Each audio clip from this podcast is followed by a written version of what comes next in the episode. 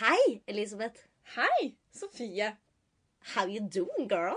I'm doing fine. Du har jo vært i USA, så du har blitt helt American. Ja, vet du hva? Jeg har gått, det har gått helt i hodet på meg, dette, dette at jeg prater engelsk. Jeg har begynt å snakke engelsk i søvne, Ja. som er jo helt sykt. Men du har vært i LA? Jeg har vært i LA, ja. Det var eh, topp. Fint. Fin by. Eh, på mange måter. Fin by. Hektisk. Jeg er litt jetlagd, men eh, Ja, forståelig nok. ja. Og du, hva har du drevet med? Nei, jeg har vært her i Oslo, da, og skrevet litt revy og Ja. Ja, det er egentlig det. Jeg driver og jobber med en kortfilm også, så det er litt, litt fett. Oh. Oh. Se på hun som jobber, da. Oh. Kult. Ja, ja. Fra det ene til det andre. Vi har jo hatt vår første gjest her in the studio Yes. i dag. Og det var veldig god stemning. Det var veldig god stemning. Veldig hyggelig fyr. Han ville jo ikke dra. Nei. Det var jo veldig hyggelig. Veldig hyggelig. Ja. Og vi har lært masse. ja ikke bare liksom skuespillerting, men om masse annet òg. ja. Så gled dere til å høre. Ja. Vår første gjest er jo da Frank Kjosås. Som er helt sykt. Som er ganske sjukt, ja. Ja. Eh, Så da ta litt på episoden vår.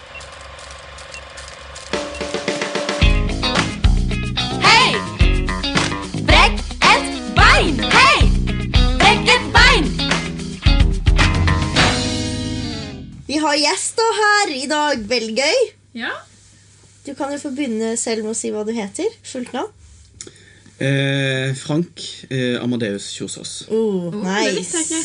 Nei, det Det er bare bare Frank. Kjosås.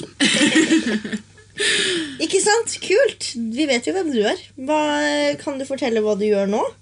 Eh, akkurat nå så eh, spiller jeg eh, i en forestilling som heter The Book of Mormon. Som hadde premiere september 2017. Og vi har spilt 246 forestillinger foreløpig. Å, herregud. Og det er 50 forestillinger igjen, cirka. Ja, ja. Så da er vi ferdig 29. juni, og da er det vel den lengstspillende teaterstykket i I hvert fall Det Norske Teaterets historie. Ja, Ja. det tror jeg. Eh, så jeg har bestemt meg for at jeg skal holde meg frisk i hvert fall til, 29, til og med 29. juni. Eh, for jeg skal, har som plan å spille absolutt alle forestillingene sjøl, uten at de trenger å få inn noen som erstatter meg. Det er bra mål. Er bra mål. Veldig gøy. Vi skal vel se hver vår forestilling innen den tid. Du skal se en, Ja, jeg skal se på eh, fredag. faktisk. Nå på fredag? Ja. Yes! Så da vet du det. Da er det bare å gjøre det jævlig bra. jeg Ja, ja. så generalprøven. Og du gjorde det, ja? Å, hei sann. Altså 2. september 2017, Ja. da? Jeg syns det var kjempebra. Så ikke Ja. tenk at det Det var ikke den forestillingen der vi ble 20 minutter lenger. Nei, det var eh, første publikumsprøve. For da var det Kristoffer og jeg som ikke rakk et hurtigskift. Fordi vi var ikke vant til å kle på oss klærne våre. Så da sto vi vel Jeg sto og venta 20 minutter på Kristoffer, så han fikk tatt på seg skjorta. Og... Men det var gøy. Ja. Kristoffer er megagod på å få folk til Gjør du bare Book of Mormon nå, eller gjør du noe annet gøy også? Eh, ja, På Det Norske Teatret så spiller jeg i Book of Mormon og Det merkelige som hendte med hunden den natta. Mm, og den har jeg jo gjort Dette er mitt fjerde år, tror jeg. Ja, for den har også spilt Den så jo jeg for tre år siden. Jeg har ikke noe. sett Ja, den ikke sant? ennå. Det Så du den med meg eller med. Emil? Med deg. Ja.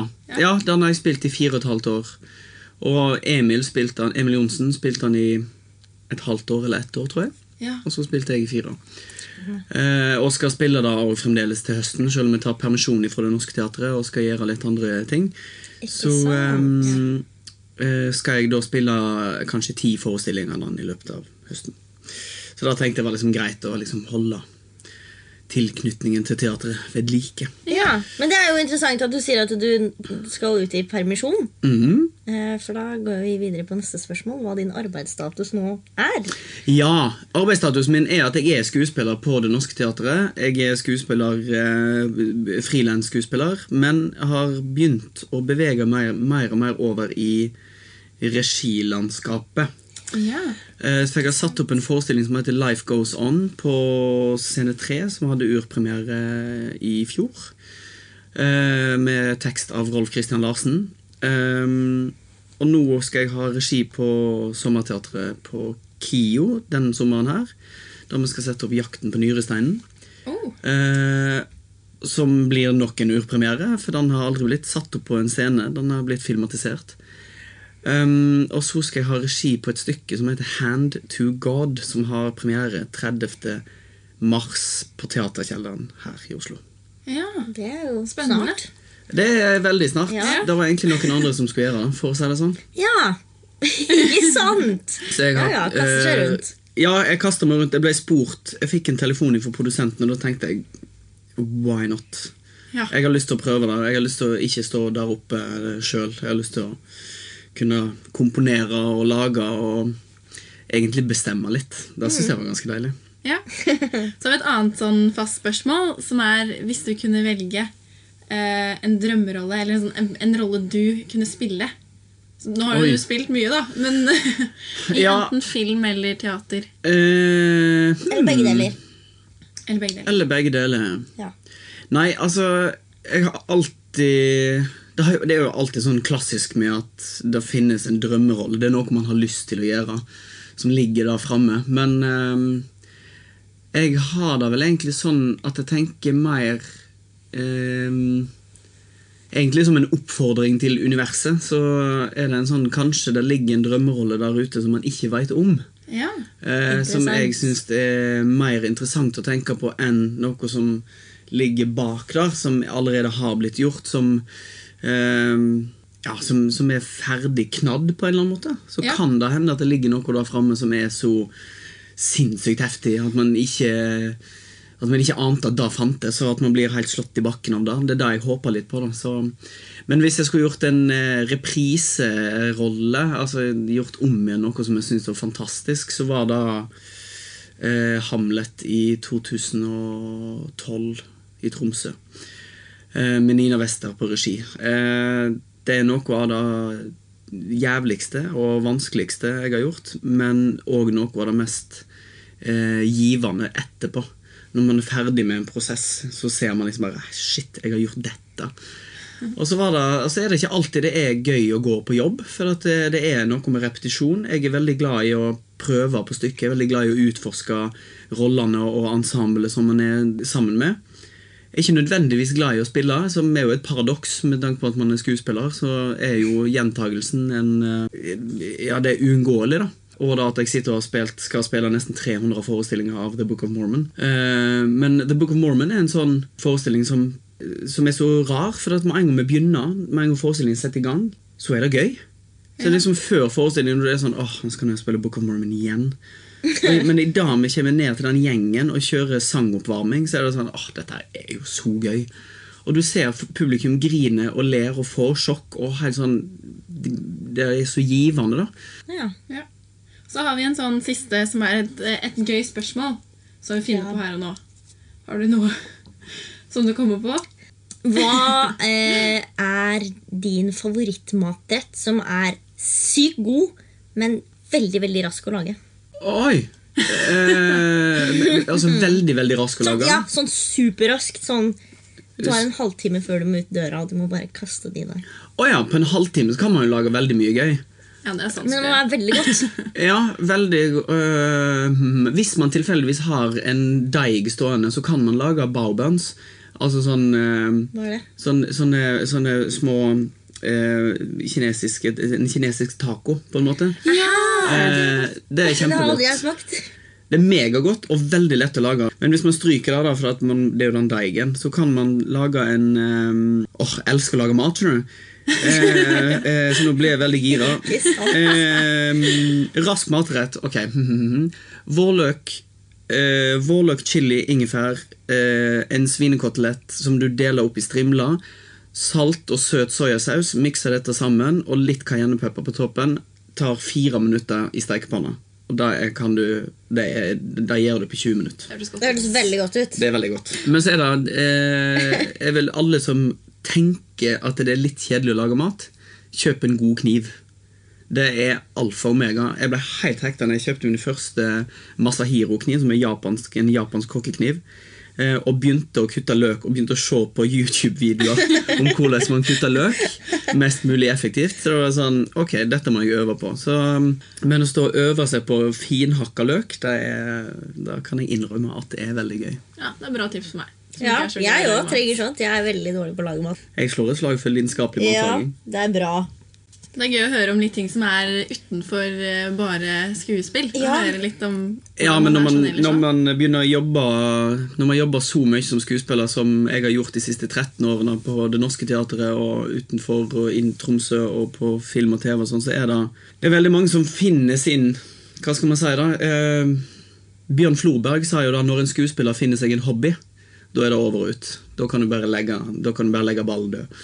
Det er sånn via via man har hørt, men eh, veldig mange skuespillere jobber jo innenfor andre kunstfelt, som foto, film, maling. Eh, men jeg er veldig eh, utrolig glad i lukt og smak og, og taktilitet. Altså det å kunne ta på ting. Så jeg har endt veldig opp innenfor, innenfor mat da, som min hobby. Ja. Godt tips. Da tar vi med oss det videre. Ja, Da ble jeg plutselig en matblogg i stedet for, i stedet for, istedenfor en, eh, eh, skuespillerprat. Nei da, det er veldig fint. Det, Det går hånd i hånd.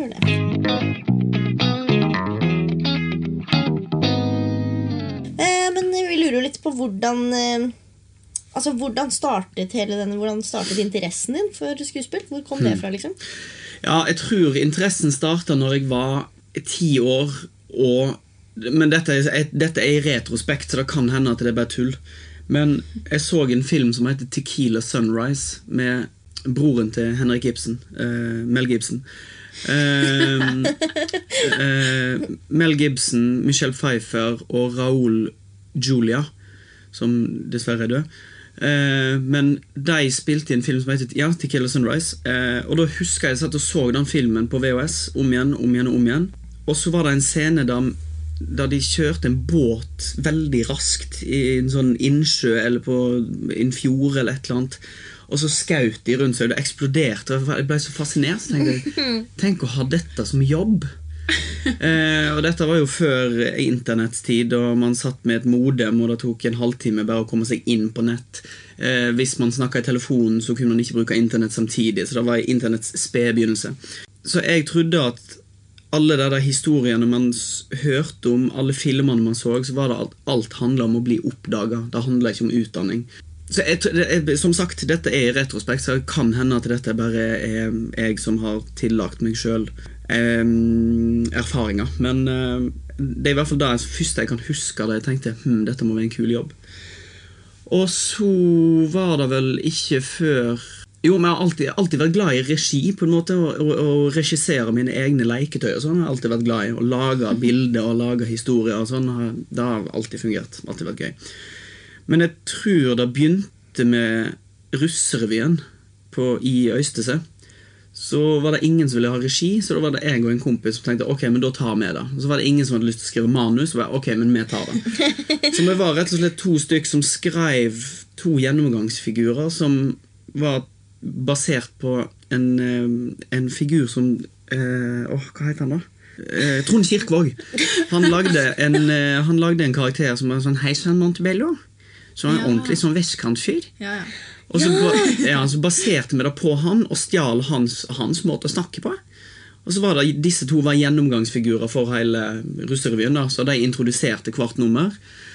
Og så skrev jeg min egen monolog om en For det var en fyr Herregud, altså det kan bli en lang podkast. Det var en fyr som eh, i Nordheimsund eller Øystese drev et hotell.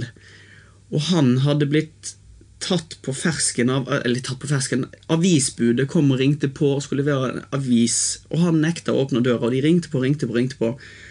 Og så viste det at han ikke kom og åpna den døra fordi han var naken. Og så han har fortalt den historien til noen eh, veldig obskurt. Men da skrev jeg en versjon av det. Han bonden i Øystese eh, som ikke ville komme ut og hente aviser fordi han sto i stua si og var naken og sto og prøvde dameundertøy. Og Den monologen skrev jeg, og så var det en skuespiller fra Bergen som var og så på, for at det, det var stefaren til han kompisen min.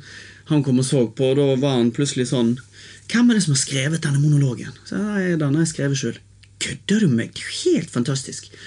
Og så hjalp han oss litt med å sy sammen forestillingen til slutt. Eh, og så snakket jeg med han etterpå, og så mente han at du bør bli skuespiller. Så tenkte jeg ja, ja, ha-ha, bla, bla, bla. Men så er det da rett og slett norsklærerinna mi, Randi Gjemlestad. Hei, Randi, hvis du hører på. Eh, og så hadde jeg sånn elevsamtale, som man jo har med sine eh, guiding stars. Eh, og så sitter jeg der og sier ja, hva skal du gjøre etter videregående? Så nei, reiser vel til Bergen og tar X-Fil og X-fak og begynner å studere på universitetet. Så lukka hun igjen døra og så sa du må bare drite i å studere. Du må bli skuespiller. Men her kan man bli skuespiller? Og så tok hun fram sånn eh, over alle folkehøyskolene i Norge. Og så bladde hun opp på Ringerike og Romerike og sa en av disse skal du gå på. Velg en av disse.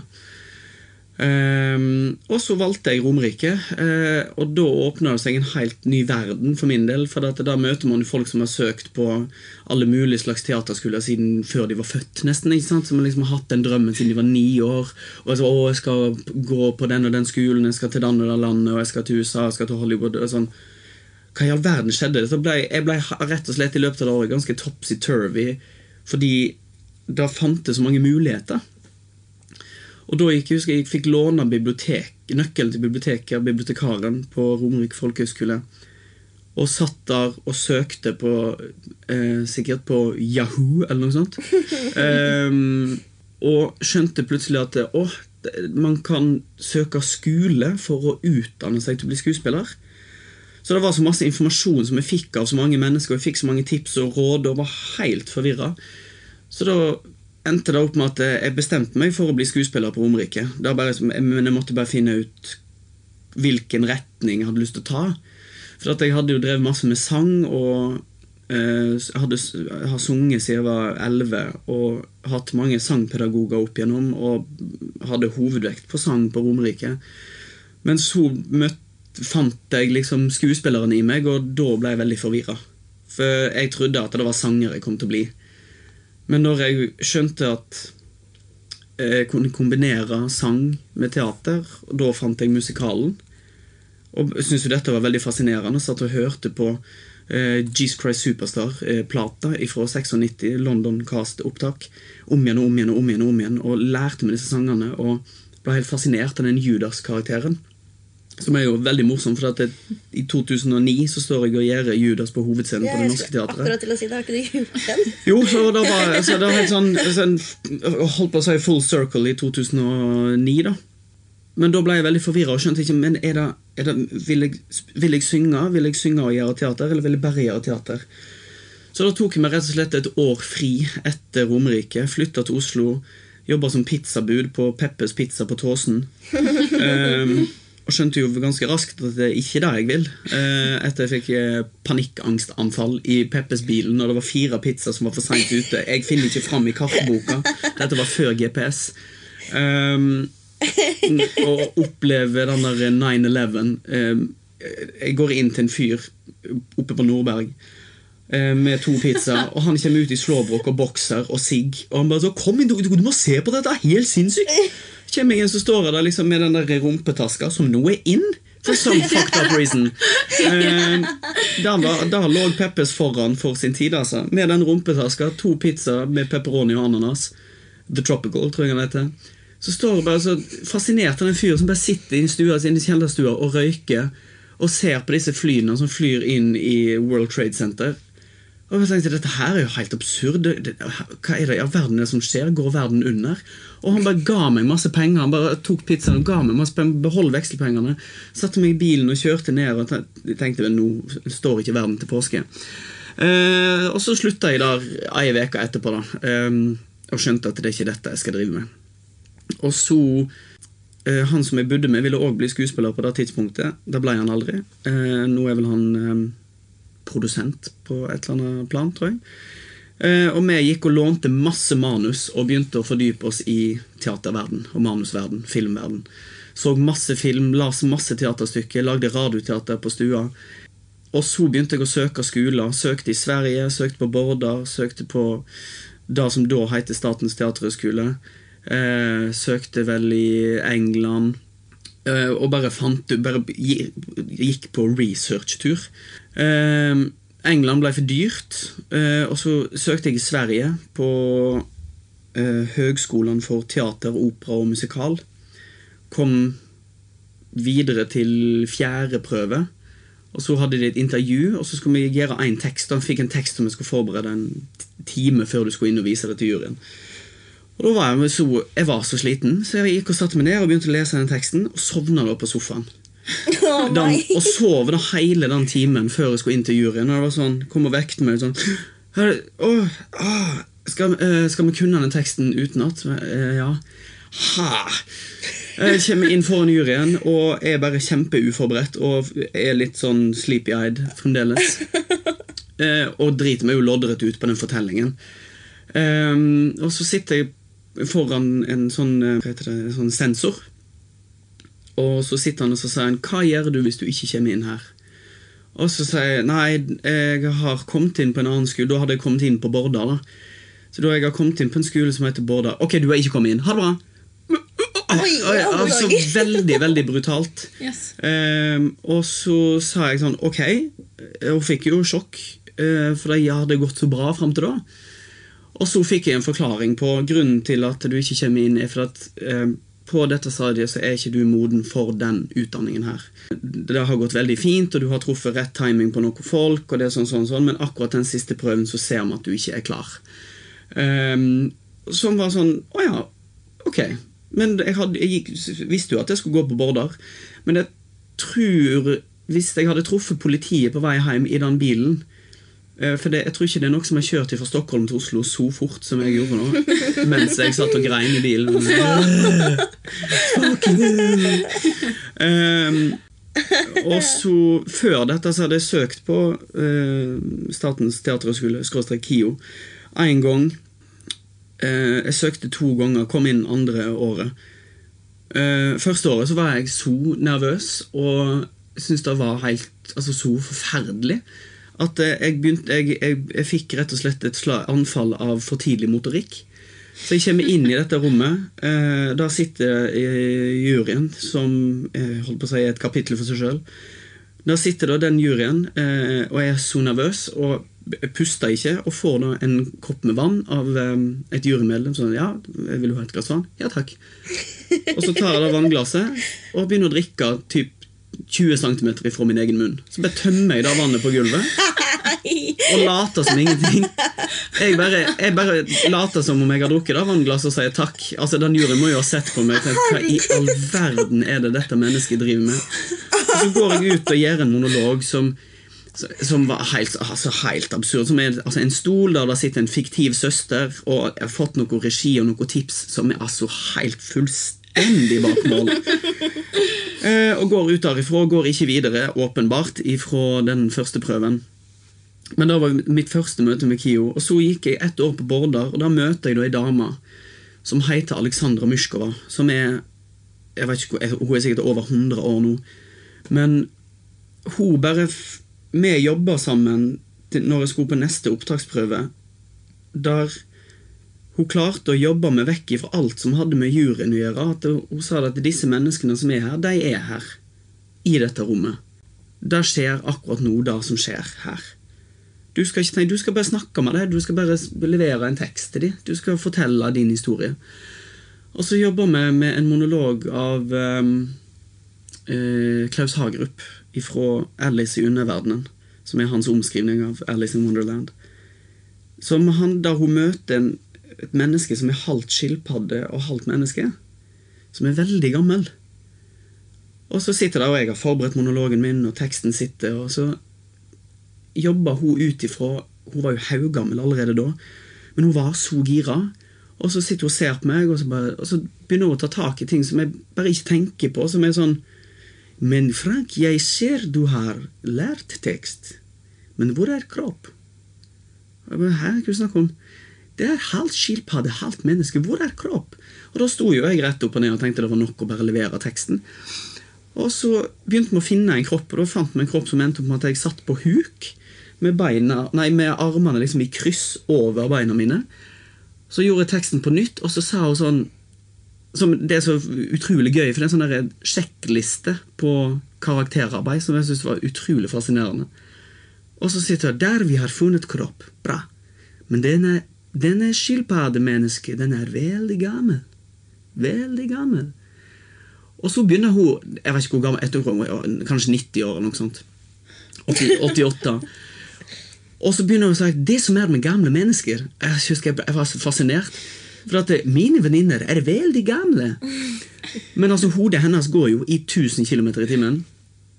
Eh, Men hun begynner å snakke om venninnene sine. Det tar alltid lang tid. Bilder kommer sakte. Så det endte opp med at jeg sitter da uh, Dette har Svein Tindberg, som satt i juryen da året kom inn. Han sa det var helt fascinerende, for jeg var, uh, skulle inn ganske seint på dagen.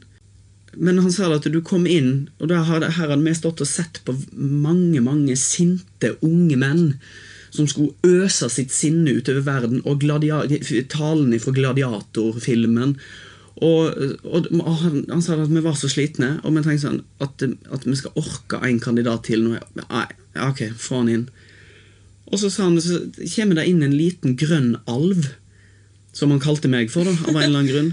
Og ikke, ikke nok med at du er liksom den, den laveste til nå, i dag, men i tillegg så setter du deg ned på gulvet.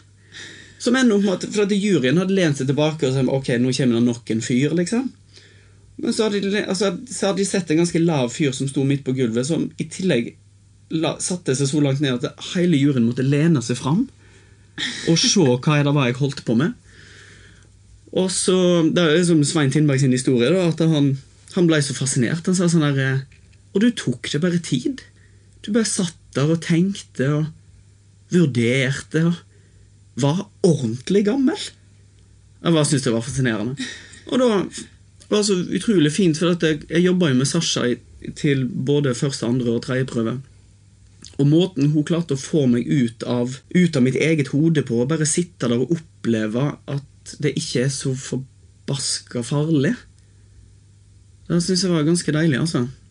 Skal vi se, nå er jeg kommet fram til dit. Og så er det tre år på KIO, og så er det 13 år på det norske. Ja, fordi du har jo hatt en helt sinnssyk reise til dit hvor du er nå. Hvor du har vært fra Tequila Sunrise til russerevy og, Ja, og folk har vært innom Vordar, og det du har vært overalt. Ja, altså, egentlig mest det, det, altså, Min største omveltning var på, på Romerike. Altså, jeg ante ikke hva At det gikk an å bli utdanna skuespiller før jeg var 19 år.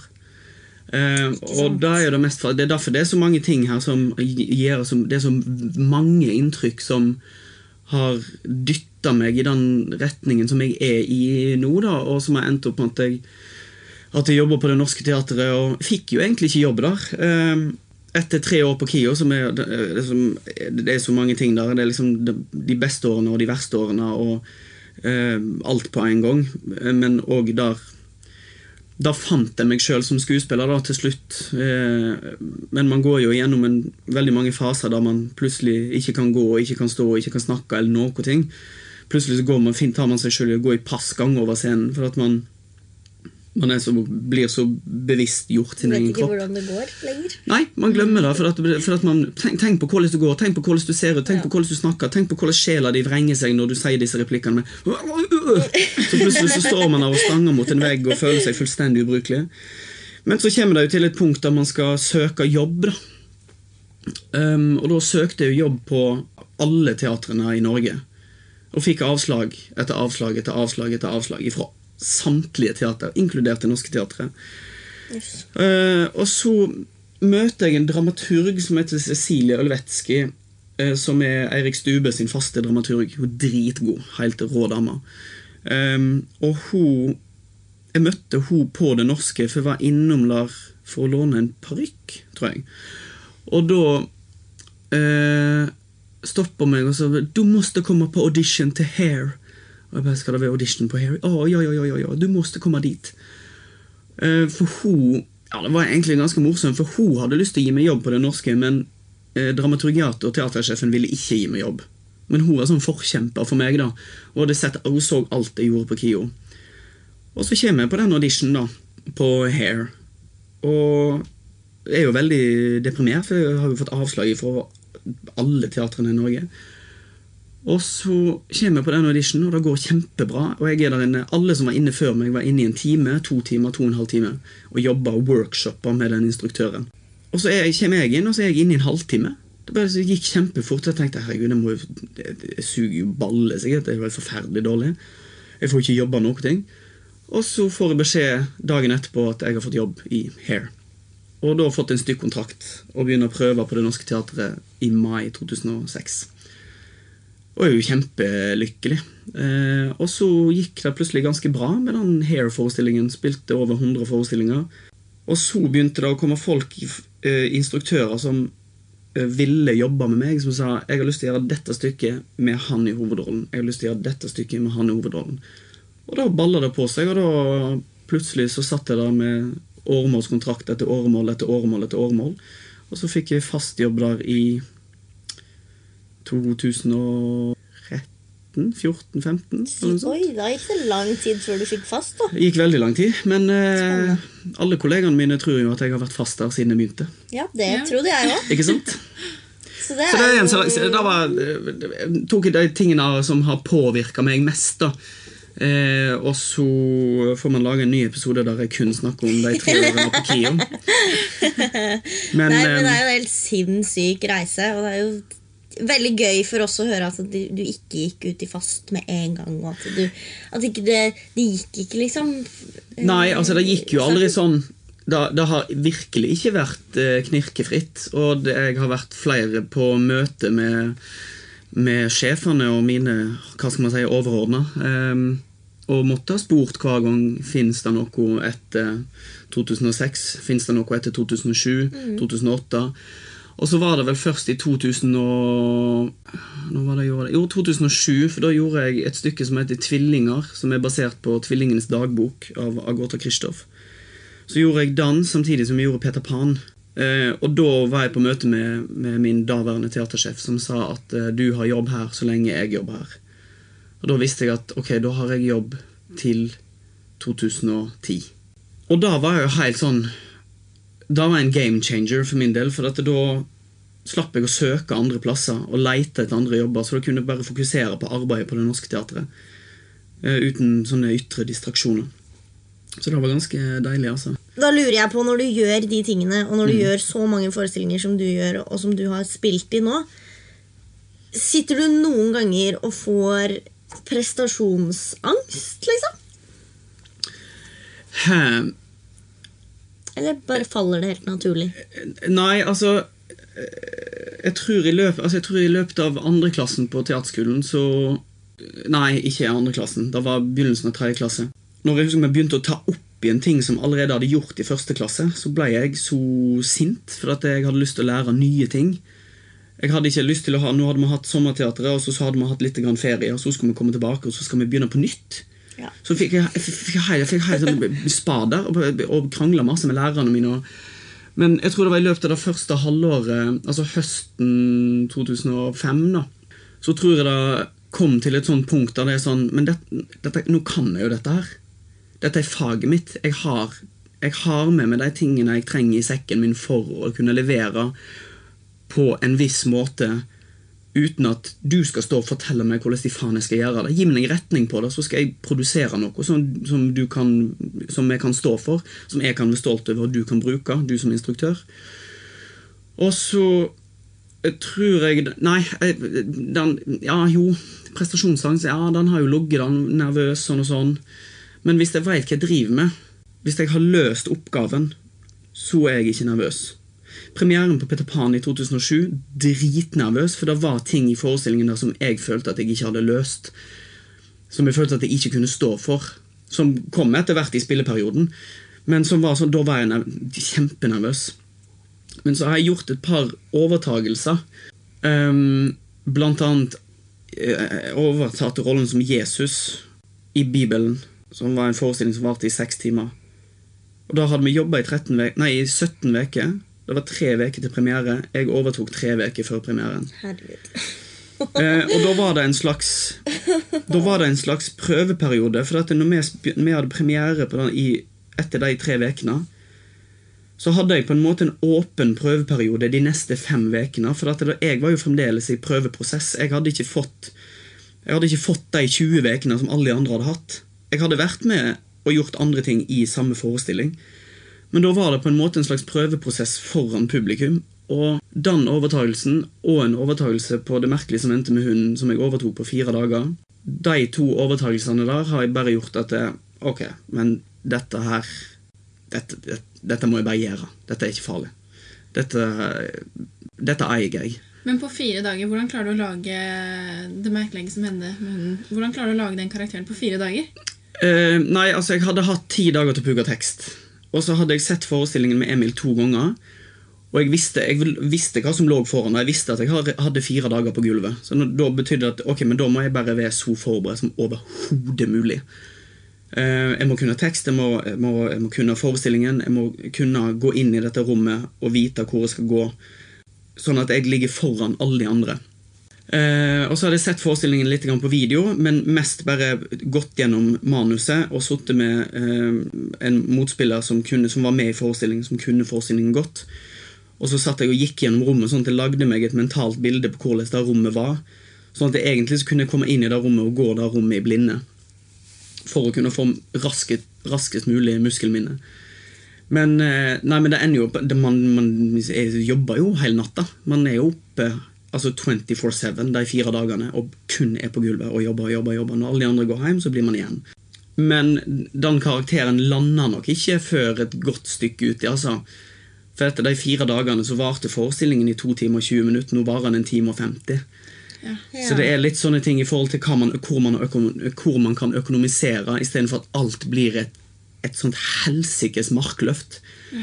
Som hver forestilling på Det merkelige som hendte med hunden, virkelig var i starten, så er det en sånn Det var en sånn forestilling der, der jeg på et, et, par tidspunkt trodde jeg kunne bli gal på scenen.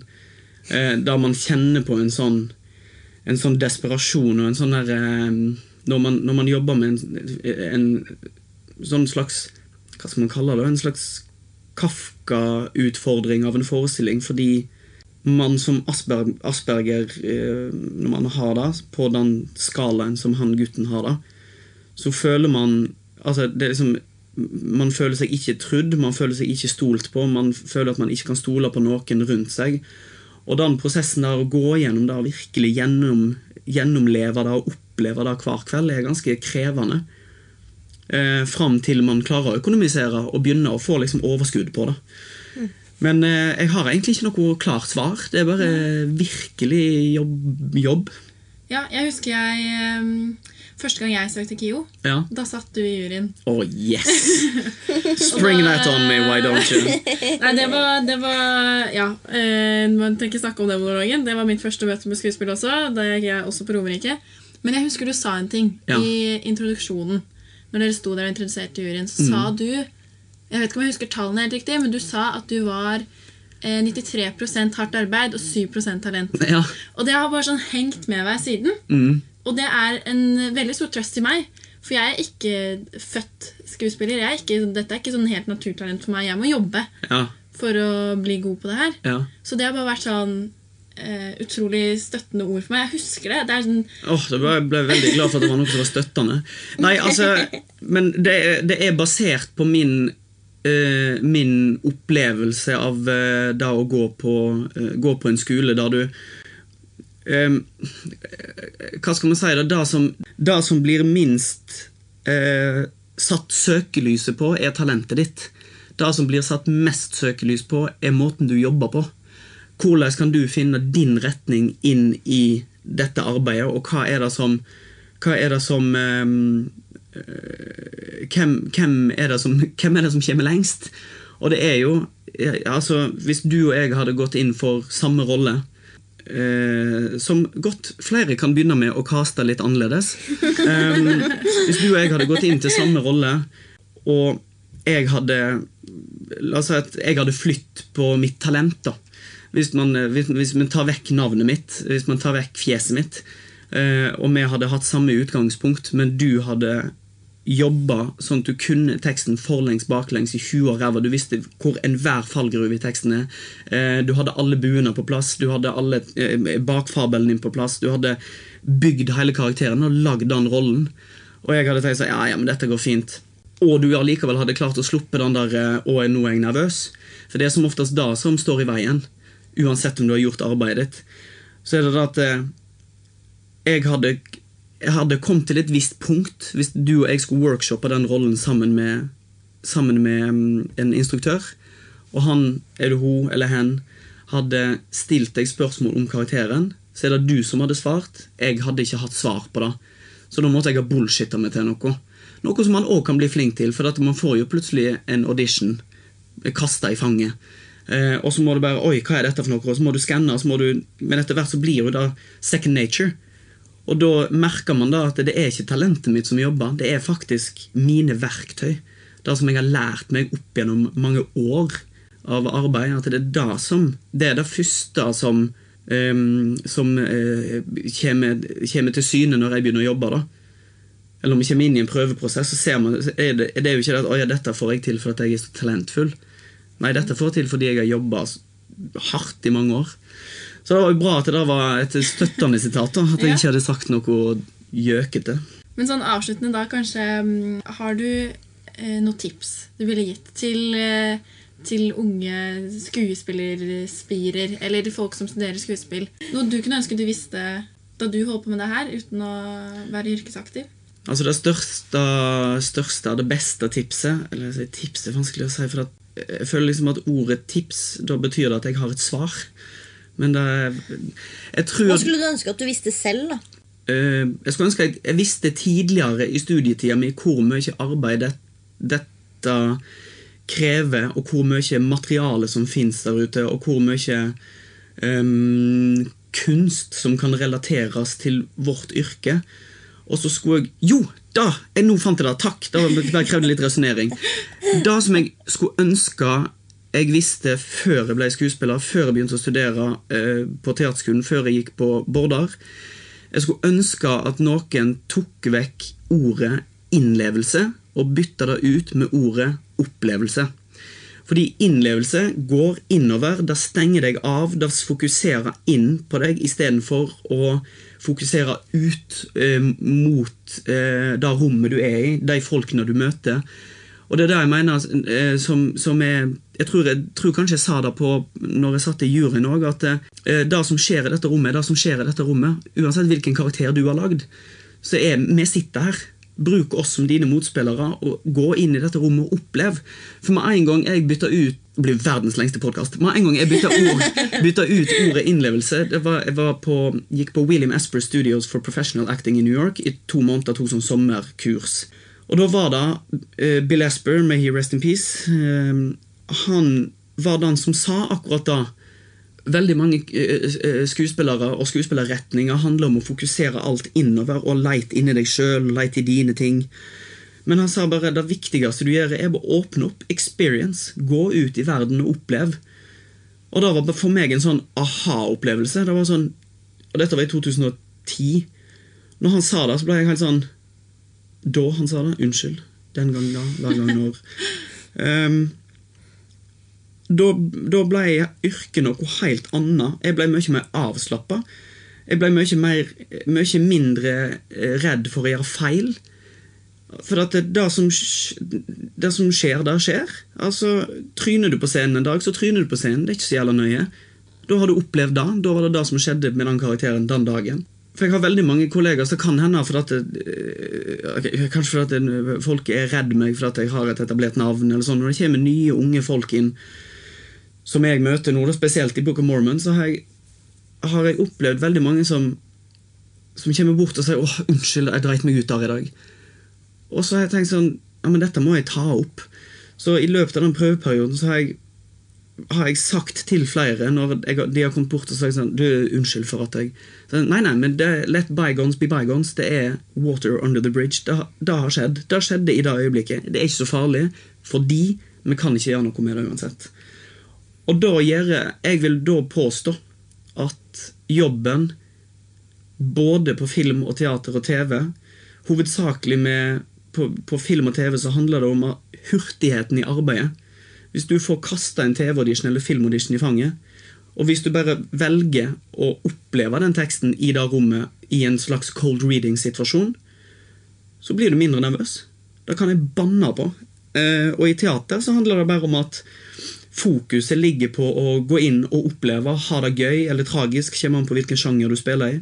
Men sånn som med Book of Mormon, så hvis det skjer noe feil, hvis noen synger noe feil, hvis jeg synger noe feil, så kan jeg faktisk kommentere det til publikum uten, uten at jeg føler at jeg har drept meg ut. og eh, Jeg tror med det ordet 'opplev' så fant jeg opp begrepet 'å drite seg ut med verdighet'. Og det er liksom å gå ut der, og hvis man da gjør noe som bare oppleves teit der og da, bare sånn, Oi, faen, nå skjedde det, så er det bare sånn Ja, ja. Men da fikk de en helt De 750 menneskene som så meg synge en hel sang med smekken åpen og skjorta ut gjennom smekken, de fikk en helt unik opplevelse som ingen andre har fått. Og da får man heller fokusere på at det skjedde, og ferdig med det. Da blir livet som skuespiller mye enklere. Takk for meg. Nei, men jeg, jeg, jeg, det er jeg Det er jo tror kjempebra tips å jeg komme med. tror virkelig det, altså. Det tok litt tid før jeg skjønte hva det var som var tipset mitt, men glem ordet 'innlev', bruk ordet 'opplev', og virkelig prøv å implementere det. Prøv å kjenne på kroppen din hva som skjer med deg. Sånn som, altså, jeg, jeg har ingen religion, jeg har ingen tru. Eh, altså, jeg tror på universet og alt hvor stort det er, så begynner jeg å tenke på det, så blir man gal. Men etter ordet 'opplev' virkelig har tatt bolig i mitt hjerte, så er det sånn Se hva som skjer med sansene dine, med kroppen din, når du f.eks. skjærer en lime eller en pasjonsfrukt i to. Og Bare tenk på hvor fantastisk dette her er. Hvis man glemmer de opplevelsene der, de der taktile tingene som er Altså, Vi, har, vi sitter her, vi har lagd en mikrofon, en datamaskin og et bord. Naturen har lagd en fuckings lime. liksom. Du kan gå og plukke den ned og smake på det, bruke det i mat og alt mulig. Så det, ja, ikke innlev, opplev. Supert! Herregud, tusen takk for at du kom. Det var bare hyggelig. Det Du har kommet var med så veldig mye gøy å snakke om faget Ja. sitt. Ja, så bra. Takk til deg. Ja. Takk til dere, Ja, Takk for det. Vi har bare sittet her og hørt. og abonner på den podkasten. Yes. Ok, top.